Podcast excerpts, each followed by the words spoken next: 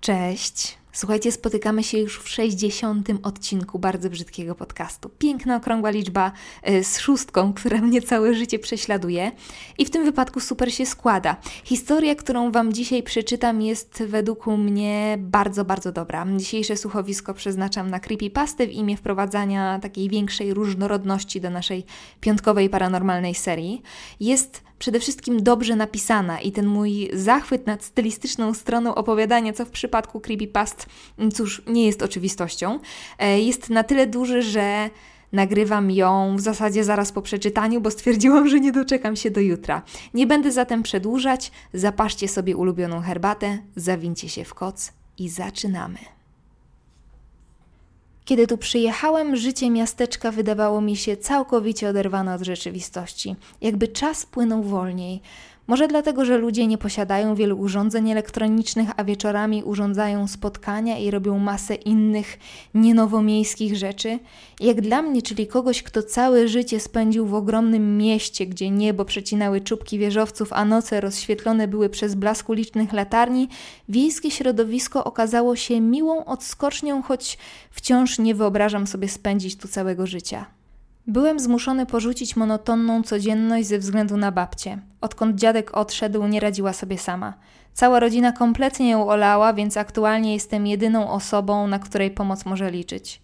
Moją głowę zaprząta tylko myśl, w jaki sposób poradzę sobie ze studiami i opieką nad babcią, gdy rok szkolny się zacznie. Zatrzaskuje drewniane okiennice. Wraz z odcięciem blasku zachodzącego słońca wnętrze domu zostaje pożarte przez gęsty mrok. Zaraz powinni przyjść, rozlega się drżący głos staruszki. W ciemności błyska iskierka, która po chwili ewoluuje w płomień. Świst czajnika oznajmia mi, że czas przygotować herbatę. Podchodząc do kuchenki, zdejmuję kota ze stołu i odstawiam go na podłogę. Ten głupi sierściuch nigdy się nie nauczy. Dziś jest nasza kolej na organizowanie atrakcji, więc za kilka minut okoliczni sąsiedzi usiądą wokół kominka i zacznie się bardzo długi wieczór rozmów, śmiechów i historii. Nie przeszkadza mi to, że właśnie w taki sposób czas jest tu zabijany, wręcz przeciwnie.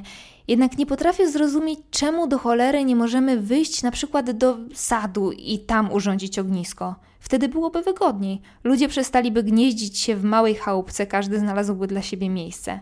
Ostatnio przedstawiłem mój pomysł babci. Odmówiła. Co prawda nie pozwoliłem jej odczuć mojego rozczarowania, które było wręcz ogromne, ale ta kobieta potrafi czytać z oczu i na pocieszenie powiedziała tylko, że tradycja jest czymś, czego nie można zmieniać i jeśli nie chcę, nie muszę przebywać w tym towarzystwie. Nalewam wrzątek do dzbanków, wdychając przyjemną woń ziół. Jeśli chodzi o tradycję tego miejsca, muszę przyznać, że jest dosyć dziwna i uciążliwa. To coś na kształt paranoi przed wychodzeniem na zewnątrz o zmierzchu. Wszystkie domostwa zostają szczelnie pozamykane jeszcze zanim słońce zbliży się do horyzontu, a przed zniknięciem ostatniego promyka okolica kompletnie pustoszeje. Tak więc jeśli ktoś zdecyduje się spędzić wieczór w towarzystwie sąsiadów, wraca do domu dopiero rano. Stare wiejskie przesądy mają swój urok, ale naprawdę akurat ten zabobon jest przesadą. Kilka tygodni temu próbowałem dowiedzieć się, jakie jest jego źródło, jednak to, co usłyszałem, nie zaspokoiło mojej ciekawości. Stary kowal plutł coś o duchach, jedna z kobiet powołała się na Boga, nie odpowiadając na moje pytanie. Jeszcze inni twierdzili, że w czasie wojny, zaraz po zachodzie, oddziały nieprzyjaciela patrolowały okolice, dlatego z przyzwyczajenia wszyscy zostają w domu. Liczyłem na to, że moja babcia się wypowie, ponieważ jest jedną z najstarszych osób we wsi, powinna pamiętać początek tego szaleństwa, ale niestety słuchała wszystkiego w milczeniu z nieodgadnionym wyrazem twarzy. Kaszel staruszki zagłusza głośny trzask drzwi. Witajcie. Jak się miewasz, babciu? Przynieśliśmy ciasto. Elwira przyjdzie? Tak, musi zabrać jeszcze kilka rzeczy.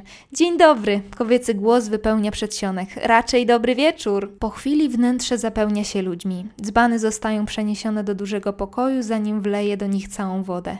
Dzieci tańczą pod moimi nogami i przeżywam chwilową dezorientację, gdy zostaję pochwycony przez trzy pary dziewczęcych rąk. Hej, Felix! Usiłuję wydostać się z pułapki, ale nieruchomieję, kiedy wszystkie ocierają się o mnie. Na moją twarz wypływa rumieniec zażenowania. Do cholery, to tylko licalistki są młode i głupie, a ich fascynacja mną jest spowodowana tylko i wyłącznie faktem, że jestem starszy. Ej, opowiesz nam dziś coś o wielkim mieście? A, albo może masz jakieś ciekawe zdjęcia? Wszystkie zdjęcia już widziałyście. Mówię przewracając oczami. Mm, na pewno coś jeszcze masz. Wtulają się w moją bluzę. Mam wrażenie, że zaraz ją ze mnie zerwą. Minuty przemijają niezwykle szybko, kiedy wysłuchuje się kolejnych fascynujących ciekawostek o zwierzętach domowych, poglądach politycznych mieszkańców i wojnie. Mam ochotę zacząć walić głową o ścianę, by tylko zabić tę narastającą nudę. Mrok okrył już okolice grubą czernią, a psy jak zwykle o tej porze zaczynają wyć. Zawodzenie rozsadza moją głowę, której ból dziś wyjątkowo mi dokucza. Podnoszę wzrok. Babcia zdaje się nieco przysypiać. Czarny kocur rozłożył się na kolanach i co chwilę zaciska pazury na materiale swetra. Moje trzy adoratorki chichoczą, spoglądając zalotnie na moje znudzone oblicze. Eliza jest w trakcie zaplatania warkoczy Marii, a Anna kołysze się to w prawo, to w lewo. Popadam w zamyślenie. Usiłuję wyobrazić sobie brak bólu głowy, ale to uczucie jest zbyt mocne, nie potrafię go ignorować. Nagle ciche pukanie zwraca moją uwagę. Patrzę na drzwi. Przez chwilę mam wrażenie, że się przesłyszałem. W domu panuje hałas, więc może mój mózg stworzył ten dźwięk. Z pewnością. Przecież każdy w miasteczku się zna.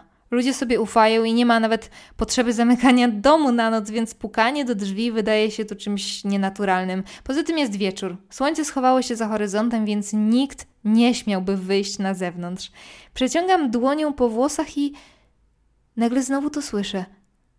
Nieruchomieję. Pukanie. Ktoś puka. Może to turysta, który zabłądził. Przez miasteczko przebiega droga łącząca dwa duże miasta, więc prawdopodobieństwo, że ktoś szuka tu schronienia jest duże. Wstaję. Kompletnie nie zastanawiając się nad tym, co robię, podchodzę do drzwi. Kieruję dłoń w stronę klamki. Już mam zamiar je otworzyć. Pukanie nieprzerwanie wybrzmiewa wśród hałasu ujadających psów. Felix! Zapada nagła cisza. Odwracam się powoli w stronę głosu babci.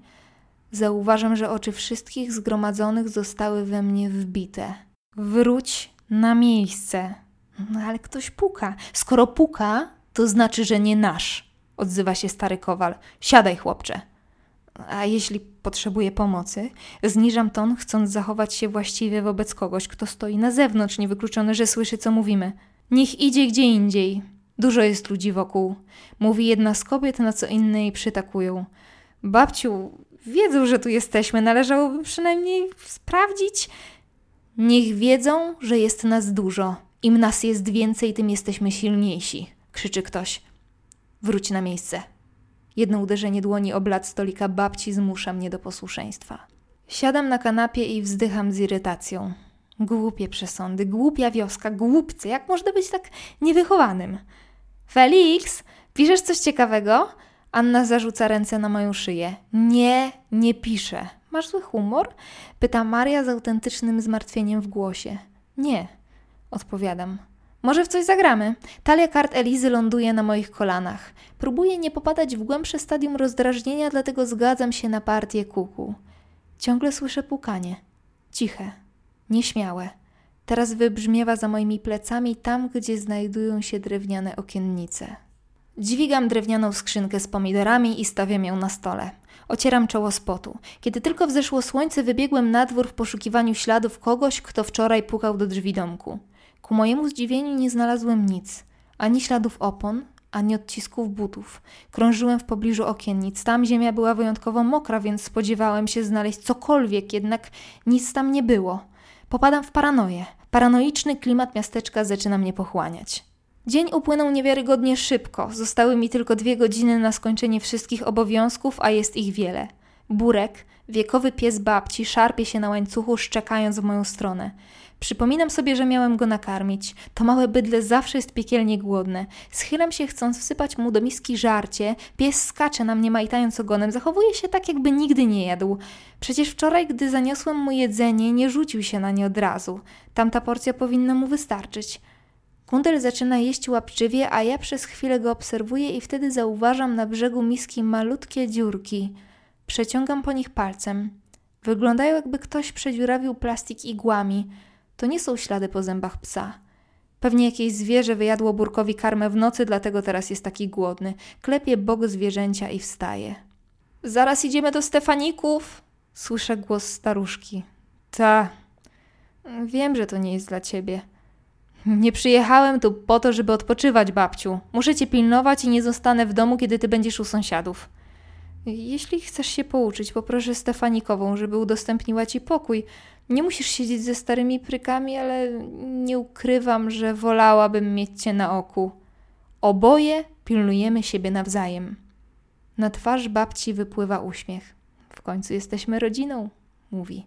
Dom Elizy jest 50 razy większy od naszej chatki, więc kiedy już znudziło mi się wysłuchiwanie problemów miejscowej ludności, postanowiłem skorzystać z wcześniejszej propozycji. Eliza oczywiście z chęcią użyczyła mi swojego pokoju, sprawiając wrażenie bardziej zadowolonej niż powinna być z faktu, że jesteśmy sami w jednym pomieszczeniu. Na szczęście dzisiaj koleżanki postanowiły zostać ze swoimi rodzinami. Otwieram podręcznik do ekonomii. Czuję się niekomfortowo, kiedy dziewczyna ciągle mnie obserwuje. Zapewnienie spokojnego miejsca do nauki jest bardzo miłym gestem z jej strony, ale do cholery czemu się gapi? Odchrząkuje, mając nadzieję, że się domyśli i przestanie. Coś nie tak? Pyta słodkim głosem. Nie, tylko trochę zaschło mi w gardle. Kłamie. Eliza momentalnie się ożywia, zeskakując z łóżka, proponuje przyniesienie mi szklanki wody, na co oczywiście przytakuje. Przynajmniej minuta bez tej dziewczyny to plus 50 do regeneracji zdrowia psychicznego. Popadam w zachwyt nad ciszą. Rozkoszuję się milczeniem, opierając głowę o ścianę, jak dobrze, że sobie poszła. Słucham dźwięków dobiegających z parteru domostwa, gdy nagle do moich uszu dolatuje ciche pukanie. Otwieram dotąd zamknięte oczy. Pukanie w okiennice rozlega się teraz coraz głośniej. Dreszcze przebiegają po moich plecach, jednak postanawiam wstać i tym razem sprawdzić, co jest na zewnątrz. Pewnie gałęzie drzewa uderzają o okiennicę albo jakiś ptak przysiadł na parapecie, jednak ten dźwięk wydaje się taki sam jak poprzedniej nocy, no ale przecież po co ktoś miałby wspinać się na piętro i stukać? Kieruję drżącą dłoń na zasuwę okna. Czuję drgania przy każdym kolejnym uderzeniu z zewnątrz. Przełykam gorzką ślinę i decyduję się na pociągnięcie metalowego zatrzasku. Cichy szczęk żelaza rozbrzmiewa echem w mojej głowie, a pukanie znika – Drewniane zabezpieczenie okna jest teraz całkowicie niestabilne. Wystarczy, że je pchnę i wyjrzę. Cisza naprawdę mnie obawia. Oddycham własnym strachem. Przez chwilę wszelkie dźwięki znikają, a ja boję się, że ogłuchłem, ale wtedy też słyszę dwa stuknięcia w okiennicę. Zaciskam zęby z całych sił, przeklinając w głowie rodzącą się histerię. Tam nic nie ma, tam nic nie ma, tam nic nie ma, nic. To tylko wiatr, więc przestań srać ze strachu, Felix. Do cholery tam przecież... Otwieram okno, a wiatr wpada do pokoju, mrożąc moją twarz. Noc jest gęsta. Tak gęsta, że jedyne co widzę to czerń, w której co chwilę pobłyskują światła sąsiednich domów. Nabieram gwałtownie powietrza, analizując w głowie wszystkie fakty. Czy, czy wiatr naprawdę jest w stanie wiać w taki sposób? Czy księżyc nie powinien rozświetlać okolicy? Potrzebuję chwili, by zrozumieć, że nie patrzę w rzeczywistości na to, co znajduje się za oknem. Dokładnie dwa centymetry dzieli moją twarz od milionów szpilkowatych zębów, które rozchylają się powoli. Odór zgnilizny i rozkładu uderza moje nozdrza, ale jestem zbyt przerażony, by zrobić cokolwiek. Jestem odrętwiały ze strachu. Słyszę szaleńcze bicie serca, moje oczy nie pojmują tego, co widzą. Popękana skóra, której kawałki odpadają na podłogę, białe oczy ze zwężonymi źrenicami i rząd szpiczastych kłów gotowych rozszarpać mnie na kawałki. Ten obraz wydaje mi się tak, tak nieprawdopodobny i irracjonalny. Co to? Stworzenie nachyla się w moją stronę. Czuję bijący od niego głód. To, to, to mnie zabije. Boże, Boże, Boże! Cichy ryk, który wydaje przyprawie mnie o zawał. W tej samej chwili, w której żegnam się ze swoim życiem, rozlega się pisk. Ktoś woła mnie po imieniu, a, a ja chciałbym odkrzyczeć, ale jestem zbyt zajęty umieraniem. Głos nie przestaje krzyczeć, jest jak, jak, jak lament, rozpaczliwy i zdesperowany. Ten dźwięk zmusza mnie do podniesienia powiek. Spodziewam się zobaczyć krew, pożerającą mnie bestię i przerażoną minę Elizy, ale nic z tych rzeczy nie ma miejsca. Wszystko zniknęło. Potwór rozpłyną się w powietrzu. Podbiegam do okna, chcąc jak najszybciej je zamknąć. Nie myślę o tym, co robię. Obecnie skupiam uwagę tylko na przekonaniu siebie, że, że mi odbiło. Mam zwidy. Halucynacje. Halucynacje zmysłowe. Halucynacje. Ale krzyk nie ustaje. Mam dokładnie sekundę na pochwycenie skrzydeł okiennic i zamknięcie ich, jednak przed zrobieniem tego zerkam jeszcze na zewnątrz. Jestem przekonany, że właśnie stamtąd dochodził krzyk. Moje imię. Moje imię. W oknie sąsiedniego budynku zauważam Marię. Patrzy prosto w moją stronę. Przestaje krzyczeć, kiedy zauważa, że nic mi nie jest. Uśmiecha się. Zatrzaskuję okiennicę i opadam na kolana. Czuję, jak mój żołądek wywraca się na drugą stronę. Zwymiotuję. Próbuję się uspokoić, próbuję wmówić sobie, że, że, że, że to nieprawda.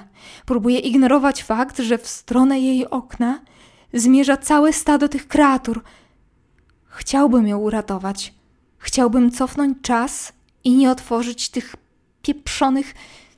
Zmuszam mięśnie do dźwignięcia ciała, ale zanim robię choć krok w przód, świat wypełnia się przeraźliwym wrzaskiem cierpienia. I wtedy już wiem, że nie zdołam jej uratować. Pełznę powoli na korytarz. Moje nogi nie są w stanie udźwignąć ciężaru ciała, zupełnie jakby grawitacja postanowiła zacząć przyciągać mnie z większą siłą. Obraz przed oczami zaczyna spływać paniką, a rozpruwająca histeria staje się moim tłem. W uszach ciągle dźwięczy głos Marii. Widzę jej spokojny uśmiech, kiedy zauważyła, że jestem bezpieczny. Zrobiła to specjalnie. Odciągnęła ode mnie ich uwagę. Fakt, że te stwory objęły ją za cel, uderza w mój żołądek, zakrywam dłonią usta, by powstrzymać wymioty. Cały świat zamienił się w chaotyczną rzeczywistość krzyków, pisków i lamentu. Co to było? Co to było? Co to było? To, to moja wina. O Boże! Kiedy docieram już do salonu Stefaników, na twarzach zgromadzonych widnieje tylko strach. Kobiety wciskają się w kąty tuląc dzieci, krzyczą, płaczą. Zauważam, że drzwi zostały otwarte. Podchodzę bliżej, nie biorąc pod uwagę niebezpieczeństwa, które być może czyha w ciemności. Jednak zanim zbliżam się do wejścia, kilka mężczyzn wpada do domu. Stoję całkowicie odrętwiały, patrząc jak z wnętrza szafy wyciągają wiatrówki i siekiery. Działają tak, jakby kiedyś już to robili, jakby mieli plan w razie takich sytuacji. Odsuń się! Zostaje odepchnięty. Nie potrafię racjonalnie wytłumaczyć tego, co się dzieje. Na ganku widzę zarys sylwetki mojej babci. Mam zamiar podbiec i wciągnąć ją do środka, by nic nie zrobiło jej krzywdy. Jeśli to coś ją dopadnie, robię krok naprzód, ale w tej samej chwili ogromny ciężar wbija mnie w podłoże. Felix! Eliza ukrywa zapłakaną twarz w materiale mojej bluzy. Zabrali Marię! Patrzę na nią przerażonym wzrokiem, starając się nie zemdleć. Zabrali? Oni o tym wiedzą. Wszyscy w wiosce wiedzą o tych potworach. Przełykam gulę, która urosła w moim gardle. Gdybym tylko nie otworzył okna, gdybym, gdybym tylko... To moja wina. Moja wina, moja, moja, moja.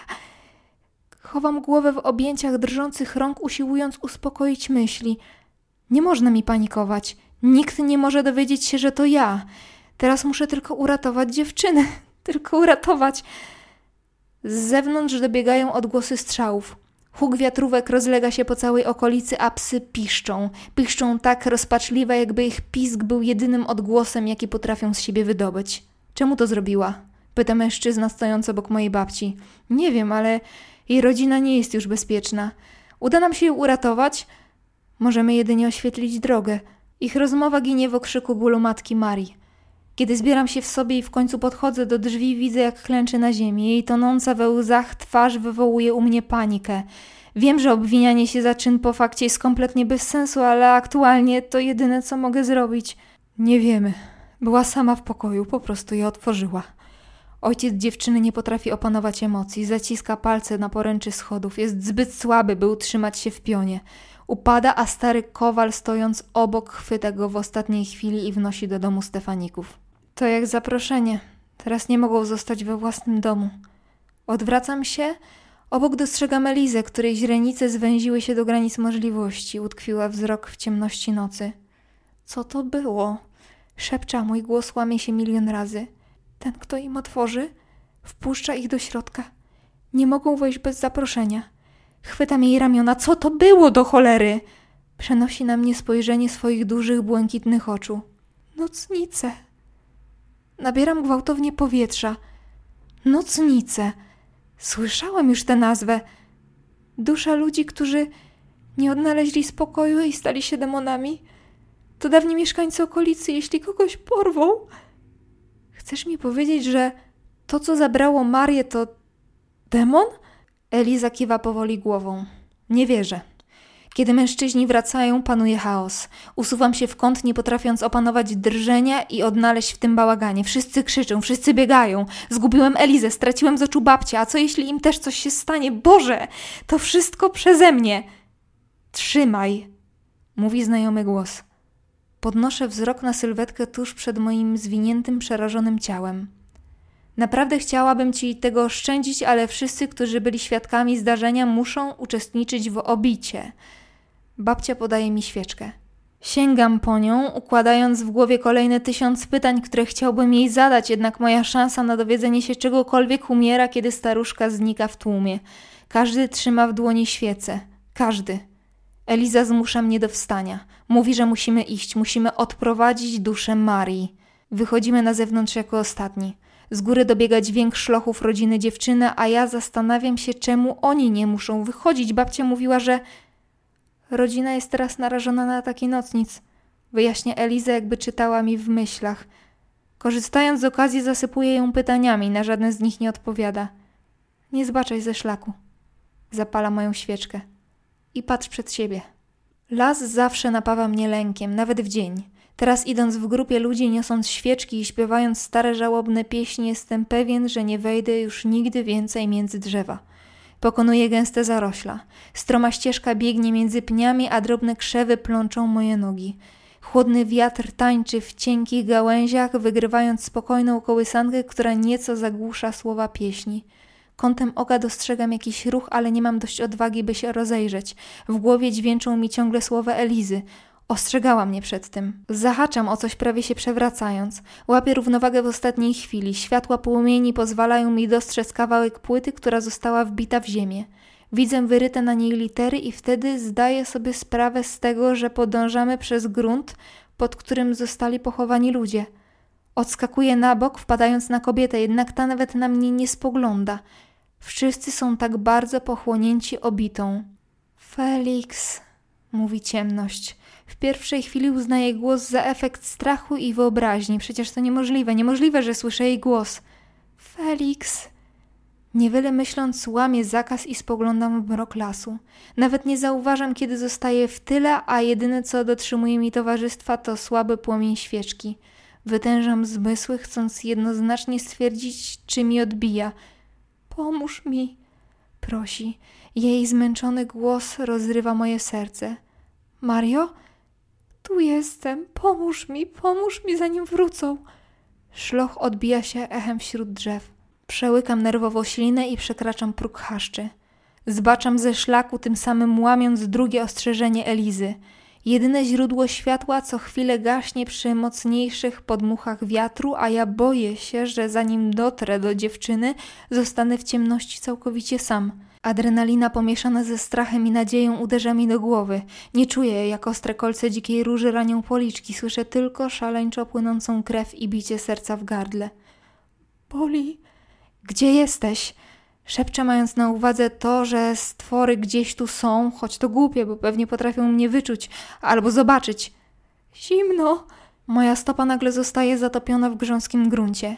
Jeśli są tu bagna, to mogę spalić swoje nadzieje. Nikt nie znajdzie mojego ciała, gdy utonę. Nie chcę utonąć. Niepewnie idę naprzód, przeklinając siebie w myślach za niepoproszenie kogoś o pomoc. Czemu jestem taki głupi? Cholera, cholera! Czy nikt nie słyszał głosu Marii? Dlaczego nikt nie zareagował? Przekonanie, że tylko ja ją słyszę, zawraca mi w głowie. Znowu natrafiam na coś miękkiego. Tym razem przystaję na chwilę i oświetlam podłoże, spoglądając w dół. Chłodne powietrze uderza w moje płuca, kiedy zaciągam się zapachem krwi. Felix! Patrzę na to, co zostało z Marii. Przyszedłeś. Uśmiecha się lekko. Jedyne na czym mogę teraz skupić uwagę to trzymanie świecy. Nie myślę już o irracjonalności tego, co widzę. Nie dopuszczam do siebie myśli, że ciało dziewczyny zostało rozerwane. Na skórze widnieją głębokie zadrapania. Dostrzegam też drobne ślady ukłuć przypominające te, które widziałem na miejsce psa. Korale jelit zdobią gałęzie drzew. Krew sączy się powoli z kącika ust, toruje ścieżkę przez skronie i barwi rubinem mokrą glebę. Nie mogę oderwać wzroku od ciała dziewczyny, ale zmuszam się do jakiejkolwiek reakcji. Chcę jej pomóc. Chcę ją uratować, jednak mój plan nie wypala, ponieważ natrafiam na część jej wątroby. Mdłości drapią mnie w gardło. Jest. jest zimno. Spoglądam na jej zmasakrowaną twarz. Nie powinna mówić. W takim stanie nie powinna nawet oddychać. Czemu nie jest martwa? Czemu? Panika zabija wszystkie pozostałości rozsądku i zanim się orientuję, świeczka wypada z mojej dłoni. Zostaje pożarty przez mrok. Ciężki oddech Marii milknie. Nie ma już niczego oprócz mnie, cichego szmeru za plecami i powarkiwania. One tu są. One tu są. One tu są. Mogę przysiąc, że właśnie otwierają swoje paszcze pełne szpilkowatych zębów. Nagły powiew wiatru daje mi nadzieję, niosąc ze sobą ukrywany dźwięk melodii.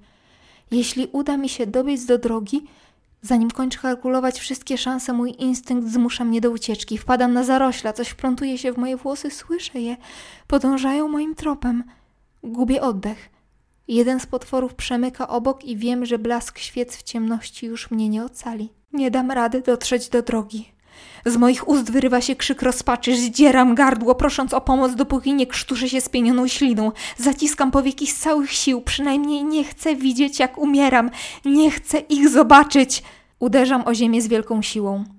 Po raz kolejny tej nocy walczę z wizją nieuchronnie nadchodzącej śmierci, jednak nie potrafię przestać walczyć i kiedy tylko odzyskuję władzę nad ciałem, przekręcam się na plecy i czołgam w stronę drogi. Nie przestaję krzyczeć. Dopiero gdy wypełzam z objęć czerni, światło świecy rozjaśnia przestrzeń wokół, a nocnice piszczą, uciekając w mrok, pojmuję, że jestem bezpieczny. Nie wierzę w to, że się udało. Słyszeli mnie. Co ty wyrabiasz? krzyczy kobieta z chustą na głowie. Głupi szczeniak! Trzeba było go tam zostawić! Czuję, jak wielki kamień spada na mój żołądek. Usiłuję wyjaśnić, czemu zszedłem ze szlaku. Podaję mnóstwo argumentów, jednak nic nie jest w stanie mnie usprawiedliwić. Popadam w odrętwienie. Dopiero dotyk babci przywraca mnie do rzeczywistości. Wystarczy, mówi staruszka. Dusza powinna sama trafić do kapliczki, nie musimy iść dalej. Wracamy. Zgromadzeni kiwają głowami na zgodę. Wstaję powoli, korzystając z pomocy Elizy. Ptaki siedzące na najwyższych gałęziach jednocześnie podrywają się do lotu, spłoszone nagłym piskiem dochodzącym z wioski. Okazało się, że moja kostka została zwichnięta, dlatego opóźniłem całą grupę i kiedy już dotarliśmy do domu Stefaniaków, zastaliśmy tylko jeden wielki bałagan. Czerwona ciecz zdobiła ściany. Rozmazywała się na podłodze, tworząc jezioro krwi. Większość nie chciała wejść do środka. Dziwny zapach wypełniał pomieszczenia. Przypominał słodką woń kwiatów wymieszaną ze smrodem rozkładu. Eliza starannie oczyszcza wszystkie moje zadrapania. Jej dłonie drżą, a wzrok został utkwiony w jednym punkcie za moimi plecami. Wygląda gorzej niż ja. Postradała zmysły. Nikt nie odważa się odezwać, bo wszyscy wiedzą, że rodzina Marii skończyła dokładnie w ten sam sposób co ona. Dwaj mężczyźni, którzy poszli na górę w celu sprawdzenia, co dokładnie miało miejsce, wracają na parter z przerażonymi minami. Wyglądają tak, jakby zaraz mieli zemdleć. Wszyscy nie żyją. Ktoś zaczyna łkać. Ktoś upada. W mojej głowie rozbijają się litery usłyszanych słów. Nie żyją. Nie żyją. To wszystko moja wina. Ja to zrobiłem. Ja. Jakim cudem tu weszły? Ktoś musiał je zaprosić. Rozszarpały ich, zabiły nawet psa. Jeśli nie odprowadzimy dusz do kaplicy, będzie ich więcej. Ktoś wpuścił nocnicę. Felix! Do wschodu zostały cztery godziny. Nie możecie zostać w domu. Felix! Teraz to ich teren. Trzeba pochować ciała. Felix! Zanurzam palce we włosach i wbijam paznokcie w skórę głowy. Zaczynam się kołysać. Nie, nie, to nie moja wina, to nie ja ich zabiłem, nie mogłem wiedzieć, nie, nie mogłem, to nie ja, to nie ja, to nie ja, to nie ja. To twoja wina. Głos Elizy zatrzymuje bicie mojego serca. Zastygam w bezruchu. Otworzyłeś im drzwi do mojego domu. Gdybyś wcześniej nam o tym powiedział, wszyscy by żyli. Byliby w bezpiecznym miejscu aż do wschodu. Zabiłeś ich. Co? Nie! Drżę tak bardzo, że nie jestem w stanie oddychać. Zabiłeś ich! Czuję, jak rosnąca paranoja naciska na moją klatkę piersiową, łamiąc żebra, rozrywając serce. Eliza powoli podchodzi do kominka, chwytając pogrzebacz leżący na podłodze. Zaciska na nim pięć palców prawej dłoni i odwraca się w moją stronę. Wszyscy zgromadzeni patrzą na mnie tym samym pozbawionym uczuć wzrokiem. Dziewczyna chwiejnym krokiem podchodzi do mnie. Jestem całkowicie bezbronny, moja kostka opuchła, nie mogę się ruszyć. Zabiłeś! Lufy wiatrówek skierowane zostały w moją stronę. Nie wierzę, że zginę tej nocy z rąk ludzi. Zabiłeś! Spoglądam na babcię, jej twarz jest bierna, daje mi do zrozumienia, że nie znajdę w niej ratunku. Przecież, przecież jesteśmy rodziną. Dlatego załatwimy to w rodzinie. Zanim moja czaszka zostaje rozpłatana pogrzebaczem, udaje mi się spojrzeć na biorącą zamach Elizę. Za jej plecami pojawia się postać, rozdziewająca paszczę. Powinni byli zabić mnie tam, gdzie nocnice nie mają wstępu, albo przynajmniej nie gasić wszystkich świeczek.